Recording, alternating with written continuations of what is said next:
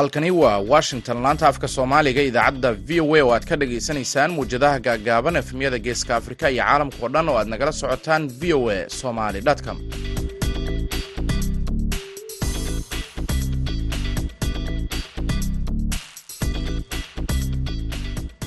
waa maalin axada bisha nofembar waa toddobiyo labaatan sanadka labada kun iyo labaiyo labaatanka.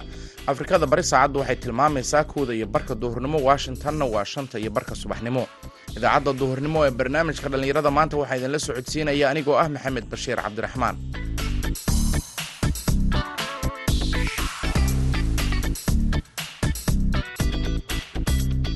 qodobada dhegaystayaal aad ku maqli doontaan idaacaddeenana waxaa ka mida barnaamijka hibada iyo halabuurka oo aynu ku soo qaadanayno dowrka haweenka ee dhinaca waxqoridda oo dee ma wada dhihi karo mawduucii dhan ba wax ka soo wada qoray. Aan qaar ka soo taabto oo bulshadana uu iftiimiyo. Waxaa igu dhaliyay muxuaha dhaliilo ama dhibaato aan ku arkay bulshadeena inay ka mid yahay qodobada ka maqan bulshadeena qodobka ixtiraamka ciyaarihii kaalimihii heesaha ayaad sidoo kale maqli doontaan balse intaasi oo dhan waxaa ka horeynaya warkii caalamka.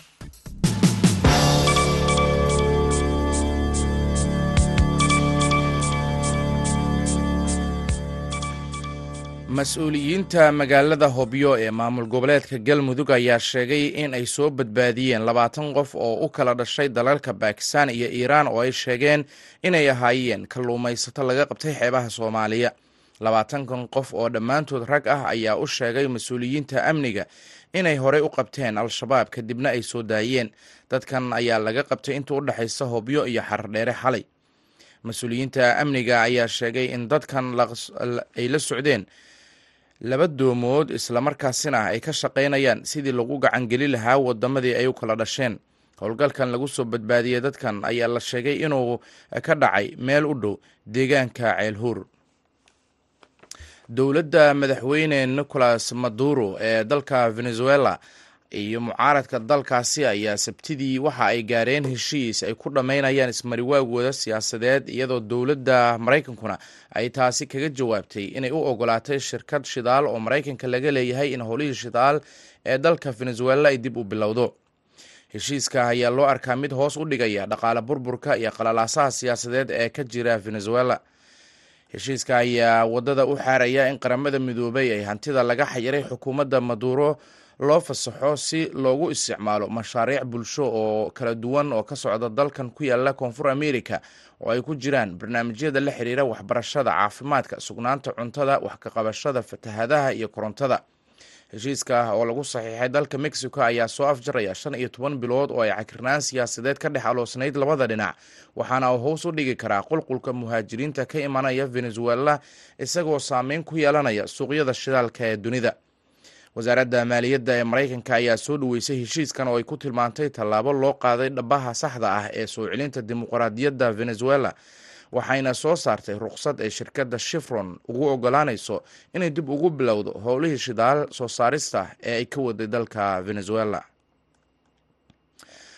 Ugu dambeynna hogaamiyaha waqooyiga kuuriya kim jong un ayaa waxa uu sheegay in hadafkiisa ugu dambeeya uu yahay inuu yeesho awoodda ugu badan ee hubka nukliyeerka isagoo dallacsiiyey tobaneeyo sarkaal oo militari kuwaasi oo ku lug leh tijaabooyinkii dhowaan ee gantaalaha balastikada ee qaaradaha isaga kala gudba ku dhawaaqistan ayaa timid kadib markii kim uu kormeeray tijaabada gantaalka cusub ee hawsung toddobiyo toban oo ah kuwa qaaradaha iskaga gudba ee i c b m. Waxaana uu ballan qaaday inuu iskaga caabin doono hanjabaadda nukliyeerka ee maraykanka hubka nukliyeerka ah dhisidda awoodda nukliyeerka ayaa ah mid ilaalinaysa sharafta iyo madax banaanida dowladda iyo dadka waana hadafka ugu dambeeya oo ah in aan helno xoogga istaraatiijiyadeed ee ugu awooda badan dunida waana xoog aan horey loo arkin qarnigan ayuu kiim ku yiri amarkan dalacsiinta saraakiisha waxa uu ugu yeeray gantaalka hangsung toddobiyo toban hubka istaraatiijiyadeed ee ugu xooga badan dunida waxaana uu sheegay inay muujinayso ka go-naanta awoodda waa ka go-naanta iyo awoodda kuuriyada waqooyi ee ah in ugu dambeyn ay dhisto ciidanka ugu xooga badan caalamka. Warkii dunidana dhegeystayaal waa naga intaa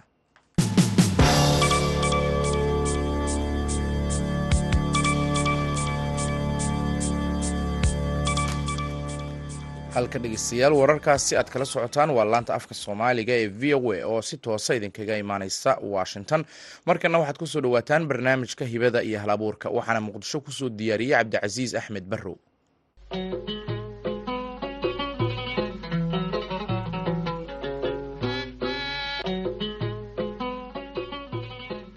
Nabaday dhegaystayaal ku soo dhowaada barnaamijkii hibada iyo hal oo idinkaga imaanaya magaalada muqdisho waxaa idila socodsiinaya anigoo cabdilcasiis barrow ah. Toddobaadkana waxaa marti igu ah xamdi axmed saciid oo loo yaqaano dhowl qaran oo ka mid ah gabdhaha dhallinyarada ah ee qoraaga ah oo dhowaan soo bandhigtay buuggeedii labaad oo lagu magacaabo isha ixtiraamka. Waa buug si gaara uga hadlaya ixtiraamka iyo waxa uu bulshada uga dhigan yahay waxaana ay ka mid tahay dhallinyarada weli ku jira waxbarashada jaamacadaha waxaan ka wareysan doonaa buuggeeda iyo waxyaabaha uu ku saabsan yahay iyo si gaar ah waxyaabaha ku kalifay in ixtiraamka ah ay wax ka qorto. Xamdi marka hore soo dhowo waxaad iga warantaa iga waran buuggaadan la yidhaahda isha ixtiraamka iyo waxyaabaha uu ka waramaya iyo sababaha kugu kalifay ixtiraamka. Mawduucaas inaad qaadato aad wax ka qorto waa mahadsantahay walaal. Waa dhowahayna aada mahadsan tahay buugaygan isha ixtiraamka. Waxaa igu dhaliyay keliya inaan buuggan dhiganahan aan ka qoro. Aan doorto mawduuca kan baaxadda weyn. Oo dee ma wada dhihi karo mawduucii dhanba wax ka soo wada qoray. Aan qaar ka soo taabto oo bulshadana uu iftiimiyo. Waxaa igu dhaliyay muxuaha dhaliilo ama dhibaato aan ku arkay bulshadeena inay ka mid yahay qodobada ka maqan bulshadeena qodobka ixtiraamka waa garta marka ixtiraamkii baad wax ka qortay anigu waa markii ugu horreysa aan arko qof dhallinyaro ah oo ixtiraamkii bulshada wax ka qora dalkiiyo burburay. Hadda uun dib u soo kabanaya teknolojiyad casriya wax fara badan la galay. Bal waxaad iiga warantaa inta buuggan oo waqti kugu qaatay daraasadaad ku samaysay. Wallaahi wuxuu ku qaatay waqti aada u dheer aadna u yar marka waqtigaas wuxuu ku qaatay aduu sanadii oo waxaa qoray aduu laba bilood ilaa saddex bilood meelaha intii aa raadinaya xogtiisa iskusoo ururinayay. Intii dee la soo tafatirayayna waqti kale sii qaadatay soo saaradiisii aduu sanadii bar ilaa soo saaradiisii noqotay. Marka burburka dalka ka jirana sabab uu yahay inuu bulshada ixtiraamka iyo kala dambeyntiiba ay ka dhammaato. Bulshada aan is ixtiraamin oo kala dambeyn maaha bulsho hore u socota. Waxaa dalkeena maanta halkaa dhigayna waa qodob muhiim ka yahay ixtiraamka oo ka maqan. Haddii shacabka yahay haddii dowladu tahayba labadaba waxaa ka maqan ixtiraamka iyo kala dambeynta. Waa gartay intaan hadda buugga baalashiisa rogrogayo waxaan arkay qodob aad soo qaadato aad leedahay sida loo barto ixtiraamka in qofka soomaaliga ah nool maanta soomaaliya jooga ama meel kale dunida ka midaba ixtiraamka inuu barto way muhiim u tahay markii aad fiiriso baaritaankii aad samaysay iyo waxa buugga ku qoran beenta. Haa muhiim bay u tahay. Nolosho dhan ixtiraamku muhiim buu yahay. Quruxda qofkaba ixtiraamka waaye baas dhihi karaan quruxda maanta qof ka muuqata qof qurux badan oo dee magac leh ama dee waxtar leh oo bulshada dhihi karaan qofka qofka qiimuu leeyahay dhihi karaan waxa kaliya loo qiimaha ku yeelayaba waa ixtiraamka. Hadaad ixtiraam lehen waxaa tahay dee qof qiimahiisa aan waxba la joogin camal. Marka qodobkaas markaad sii dul istaagto dadka akhristahaana ay wax badan u fahmaan sidee aad waxyaabahaad ka sheegtay qofka inuu ixtiraamka uu ku baran karo maxaad ka tiri qofka ixtiraamka wuxuu ku baran karaa horta qofka isaga isbari kara ixtiraamka horta naftiisa maruu ka soo biloobo qofka naftiisa ixtiraamide naf kale ma ixtiraami karo. Horta marka koowaad intuu dadka kale ixtiraamin waa inuu isagu naftiisa ixtiraamaa qof qiimo isku yeelaa kor isku qaadaa muxuu ahaa wax walbo dee dhibaato oo dee naftiisa dhaliil ku keenaysa haddee hadallada layska dhahaayo iska yareeya oo hadalku dhahaayo xitaa kontaroola oo hadal wanaagsan maaha dee hadal xun uusan dhihin dadka afka xun baa dadka ixtiraamka aqoon laakiin qofka ixtiraamka iyo akhlaaqda leh waxaa ka garanaysaa hadalkiisa. Marka goobaha shaqada oo kale ood soo qaadata waxaa tiri waa muhiim dadka shaqaynaya inay ixtiraam la yimaadaan bal taas haddii aad qudheeda wax nooga sheegto. Haha aad qodob muhiima buu ka yahay buugaygan oo aada u faahfaahinayo ixtiraamka shaqada de goobta shaqada aan ixtiraam iyo kala dambeyn ka jirin ma noqoto meesha meel shaqadeeda wax soo saar leh. Hadda shirkadoo kale wax soo saarkeeda yaraanaya. Dadkii isfahankii iyo wada shaqayntii markii buuq soo dhex galo shirkadii wax waxaa ku dhacaya dibudhac iyo burbur camal. Marka waxay ku shaqeyn kadho dadkaasoo dhan dad waxaa isugu imaan kara shirkad hadda markii kale wax isugu imaan dad kale dhaqana kale luuqada oo kala jinsiya. Marka dadkaas isku imaanay waxay kaliya ku wada xiriir karaan ku wada joogi karaan. Waxaa isfahanka iyo ixtiraamka. Buuggadan qofkii maanta akhriya oo dhallinyaro ah waxyaabaha uu sida gaara ugala soo dhexbixi karo ama ugu yaraan ogaal ama cilmi uu ku soo siyaadi karo maxaa nooga tilmaami kartaa horta buuggaygan dhiganahan waxa waaye muxuu ahaa dhalinyar iyo dhalaanba waa mid u horseedaya jiho wanaagsan saas leeyahan sababtoo ah ixtiraamka inuu qofka naftiisa marka koowaad ixtiraamo bulshadiisa ixtiraamo qoyskiisa ixtiraamo waxbarashadiisa macalinkiisa dhammaan qofka markuu qofku waxaas dhan ixtiraamo oo barto sidii loo ixtiraami lahaa waddooyinka loo mari lahaa sharafta macalinkooda kor ugu qaadi lahaayeen hadda ka soo qaado qofka waxbarashada waxbaranaya.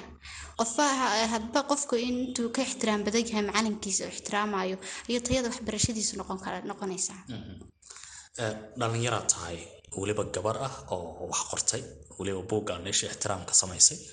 Dhool qaran marka dhalinyarada aad ku tiraahdo buuggaasaan qoray ama buuggaasaan qoraya wax caqabada ah oo aad kala kulmi jirtay ma jiraano. Ma ku weydiin jireen sidee ixtiraam wax looga qori karaa? Haa way weydiin jireen. Laakiin dhaliisha iyo kuwa kuwa garab siinayna waa jiraan.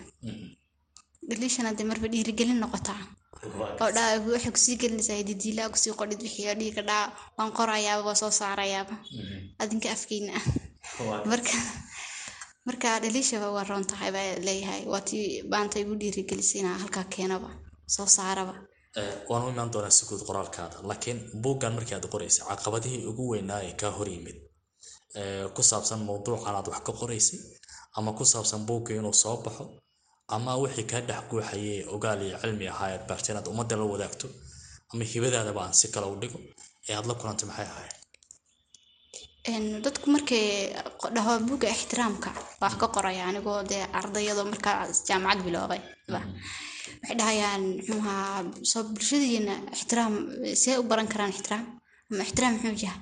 Ixtiraam soo kaa ku dhalanay wuu leeyahay laakiin ixtiraamkii ma aha qofka wuxuu isaga dhashay dee liska dhaho inuu kaa muuqdaa ixtiraamkii qofkii ka muuqdaa marka dhaliilaha waxaa ka mid ahaa dee ixtiraamka see u baranayna waaba le waaba ku dhalanaya iyo waxaa ka mid ahaa in dadku dhahaan waa yarteed maxaa u qoraysaa waxaa? Dadkana ma akrinayaan buuggaaga ma akrinayaan buugga ma akhriyaan soomaalida hadda marka liskuma hawle buug jacayl iyo sheeko un waxaas iska sheeg. Intaa ixtiraamka iska daysid laakiin waxaad ii sheegtay barnaamijka intaynan soo gelin ka hor buuggan inuu yahay kii labaadeed qorto oo buug kale aad hore u samayso.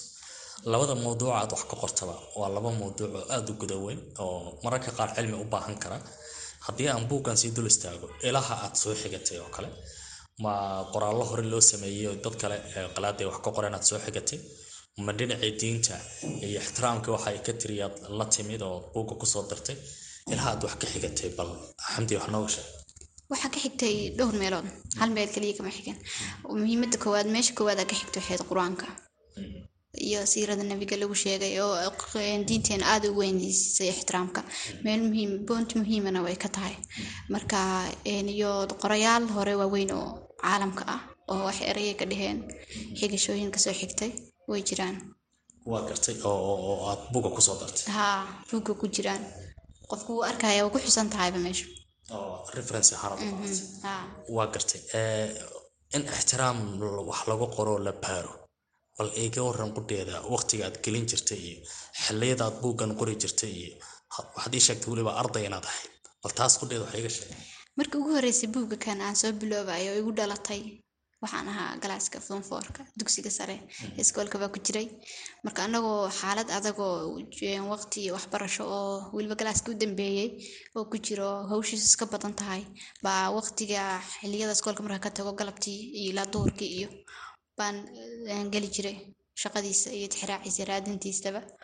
Marka waxyaabaa igu dhaliyay buugga kan inaa qoran bay ka mid ahayd ardaynimada fasalka galaaska weliba. Jabtarka ugu muhiimsan cutubka ugu muhiimsan buuggayga waxaa waaye mm, waxbarashada ixtiraamka waxbarashada. Waxaana igu dhalisay dee ga- galaaska dhiganaya ayaa ayaa kuu dhalisay. Waxaad iiga warantaa marka imise cutub ama jabtar ayuu ka kooban yahay buuggaada wuxuu ka kooban yahay shan cutub. Shan cutub. Oo mid walba eh, waxyaabo gooniya ka hadlaya. Mid walba wax gooniyu ka hadlaya. Mid walba bahal walba iyo buuggan uu ku saabsan yahay. Wuxuu ka sheekanaya ixtiraamka ma jiraan dad aad la kulantay oo aad sheekooyin ka qortay oo soomaali ah oo aad xigatay oo ixtiraamka wax kaaga sheegay? Dad aan la kulmay toos ula kulmay ma jirin laakiin dad badan oo aan isdhaafsanay qorayaal iyo way jiraan.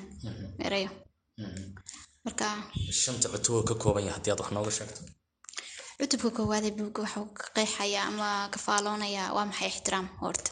Ixtiraamka wuxuu yahay uu qofka u bikaacinayaa cutubka labaadna wuxuu ka hadlayaa ixtiraamka bulshada. Cutubka saddexaad wuxuu ka hadlayaa ixtiraamka naftaada. Oo kan ugu muhiimsana uu arko. Naftaada sidee u ixtiraamaysaa? Naftaada si u ixtiraamaysaa? Su'aasha markii hore ka soo jawaabay haddana waxaa naftaada qofku u ixtiraamayaa qofku inuu naftiisa qiimeeyo. Oo waxaa ka ugu muhiimsan naftaada oo lagu garanaya inaa qof ixtiraam leh. Dad tahay inaa aduu een, ereyada ku hadlaysid hadalkaaga. Qof iska hadlayna noqoto iyo qof hadal miisaanan leyna ku hadashid camal inaa naftaada qurxisid oo dee qiime qof hadaf iyo yool leh nolosha oo dad badan dhihi karaan. De markaa darajo gaadhid bay dadku ku qiimeynayaan soo maha marka laakiin qof hadaa meelaha iska wareegaytid oo waxba noloshiisa la joogin. Marka dee dadka kale ku ixtiraam iyo qiimaba ku yeelamaysid agtooda. Marka intaada naftaada dadka kale ixtiraamin. Hadduu qof meel ka soo baxo dad bulshadu ixtiraamaan oo qiimeeyaan noqo markay iyaga qiimo ku siiyaan aadna qiimo siinaysaa. Aad iyo aad. Eh, cutubyada kale ee afar iyo saddex eh, afar iyo shan oo kale haddii aad sii guda gasho cutubka shanaad wuxuu ka hadla cutubka afraad wuxuu ka hadlayaa ixtiraamka een, cutubka haddii aad fiiriso saddexda cutubaad soo qortay waxaad tiri. Ixtiraamka qoyska buu cutubka afraad ka hadlayaa. Cutubka shanaadna wuxuu kaga hadlayaa ixtiraamka waxbarashada kan u dambeeya cutubka. Waxaa u soo gabagabeeyey waxbarashadii iyo dadkii yoolalkii macalinkoose u ixtiraami lahaayeen. Mar walba ta ixtiraamsid macalinkaaga waxaa wanaagsanaansata tayada waxbarashadaada. Ixtiraamka qodob cutubka afraadna ixtiraamka qoyska. Oo u horeysa waalidka u horreeya waalidka hooyada. Hooyo walbo waxay leedahay waxay mudan tahay qiimo iyo sharfid bulshada caalamkana waa ogtahay hooyada maalin gaara u sameeyeen. Laakiin oo xusaan. Laakiin diinta islaamka maaha wax maalin la xuso ama sanad la xuso. Sharafta iyo qiimahay leeyihiin waalidka. Waa wax daqiiqad walba iyo saacad walba la xuso. Ay sharfan yihiin siisa diinta islaamka. Waa gartay buug kalaad qortay oo ah, afkaab la yiraahdo. Bal buuggaasna muxuu ka warramayaa? Buugga afkaab wuxuu ka hadlayaa wuxuu ka saarayaa adigu ere bixin waaye erayo soomaaliya oo horey u jiray oo dad badanaa la kaashaday oo soo ururiyey. Buuggaasna waxaa igu dhaliyey erey maalin weydiiyey. Ereygaas muxuu ahaa? Ku saameeyey aad buugga sababtii u qortay ereyga wuxuu ahaa tasniif iyo erayo kaleeto. Oo haddana ereyadii waa hilmaamay dhowr laba sano meelahaas ahayd. waxaa ahaa markaa foontu markaa buugayga aan qoray. Buugaygaas baa raadiyey in badan ereyada waxaa ku qora aduu laba kun erayo u dhow. Oo dhammaantood af soomaaliya. Af soomaaliya. Oo af soomaaligii aad sii jilaysamay af soomaaliga sii sharxaya ereygii sii sharxaya dad badan oo dhahaa ereyada soomaali maaha. Ee carabi waaye laakiin carabi maaha ee soomaali waaye dad badan oo odayaal oo waxgarada oo weliga dowladii ilaa dowladihiisii aad bare soo jiray baa la kaashaday oo aad uga soo ururiyo. Dad badan markay akhriyaan buugga waxay dhahaan ereyada anagaba naga da'weyn yihiin xagee ka soo heshay? Awowayaashin baa ku hadli jiray waa gartay Eh, runtii aadaad u da-yar tahay. Eh, gabar hadda uun waxbarashadii eh, dugsiga sare soo dhammaysay oo buugaa qortay oo jii jaamacaddana wada waxyaabo badana la isweydiin karaa. Goormo ayaad adiga ogaatay inaad hibo qoraal leedahay oo aad wax qori karto ama aad wax curin karto?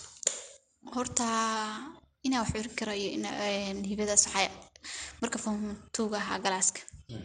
Ba maalinta igu soo dhacday dee ereyadaas la weydiiyey oo eh, is iri maxaa horta ana ho- awalna waa jeclaa inaan wax qoro waxa iska qorqori jiray xoogaa suugaana iska tirtirin jiray xagga iskoolkee daabuurkee aad u ah akhrin jiray iyo barnaamijyada kaleto asxaabteeda leedahay baa ka sameey ka akhrin jiray wax badan uga soo qori jiray. Marka markaa inaad ka hadashid waa erayadatan wax ka qodhid markaa u kacay soo ii fududaatay inaan wax badan qoro. Buuggii aan dhaqso u soo saaro cilmigaasaa ugu fududaatay. Markay hibe aan lahaa ii qarsooneed bay ahayd oo aadan isku ogeyn haa isku ogeen qof walba hibadiisa maalin buu ogaadaa dhallinyaradii markii iskuulka kula dhiganaysay oo markii aad wax qoraysa kula socotay mararka qaar aad ii sheegtay inay ku dhigi jireen xaaladaad ku jirto oo kaliya aysan ku fakari karin oo wax kale ay lahayd markii aad buug soo saartay la soo bandhigay bulshadii ay akrinayaan ay ka faa'iidaysanayaan maxay kugu yidhahdaan ay kugu soo celiyaan horta buugayga waxaa soo gabagabay igu beegmata inaan soo bandhigana xili fasaxa oo markaan funtriga ahaa xiligii xagaaga camal iskoola xirnaayeen baan soo bandhigay buugaygaas oo arday badan iyo macalimiin badan waxay la noqotay yaab.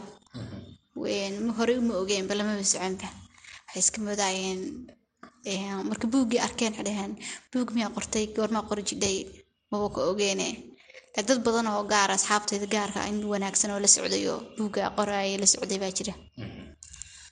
Hadda muxuu yahay marka qorshahaada dambe qalinka inteed jecesha inaad ka gaarto iyo qoraalka? Waa su'aal fiican. Waxaan ka jeclaa inaan meel sare ka gaaro oo buug badan oo haddee taya leh oo wax badan laga faa'iido inaan soo saaro mustaqbalka insha allah. Qoraalkaas muxuu soo kordhinaa isleda haddii dadku wax wada qoraan dhallinyaradii ahaa ama badi ay wax akhriyaan maxaa isbedelaya? Oo adig kuu muuqda. Dalka iyo dadkaba qurux buu noqonaya. Waa qurxiyaha caalamka waxaa maanta qurxiyey waxaa caalamka kala hormariyey waa qalin iyo buug. Wax la qorayo wax la akhriyo. Marka wax akhrisid bana wax qori kadhaa marka waxa kaliya ay dunida ku taagan tahay waa lagu kala hormaray akhriska. Waxa soomaalida maanta dalkeenana xoogaa dib u dhaca ku keentay. Waxa waaye akhris iyo qoraal la'aanta. Marka waxaan rajeynayaa haddii hadda dhalinyarta aad bay u soo badanaysa dadka wax qora waxna akhriya. Waxay muuqata marka ifaalo fiican oo in dalkeena soo kabanayo caalamka la tartami doono sanadada soo socota insha allah. Markaasna buugteeda wax badan laga faa'iidi doono intaas ayaan ku soo gabagabeynayaa barnaamijkii hibada iyo hal abuurka laanta afka soomaaliga ee v o a waxaa idila socodsiinaya anigoo cabdilcasiis barrowa oo jooga magaalada muqdisho. Tan iyo barnaamijkan mid la mid ah intii aynu ku kulmi doono dhegaystayaal waxaan idin leenahay nabadgelyo mahadsaned cabdilcasiis markana dhegaystayaal waxaad ku soo dhawaataan xubintii cayaaraha waxaana soo diyaariyey soona jeedinaya mahad cali xidir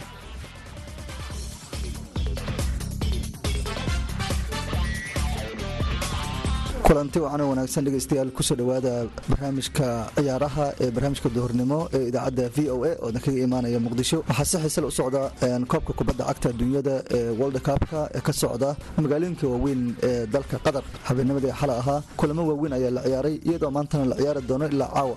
Barnaamijkana arrimahaas ayaanu ku falanqayn doona iminkana waxaa barnaamijka marti ila ah oo ila faaqidi doona cabdiraxmaan xirsen maxamed oo ka mid ah wariyaasha isboortiga ee muqdisho jooga dalmar cabdulqaadir jamcaale oo in badan la socda ciyaaraha iyo qaabka u socdo ciyaaraha adduunka iyo cabdifataax cabdirashiid abukar naani oo ka mid ah wariyaasha isboortiga ee ka shaqeeya idaacadaha ciyaaraha ee muqdisho ku yaalla dhammaantiinba ku soo dhowaada barnaamijka ciyaaraha doornimo ee idaacadda v o a.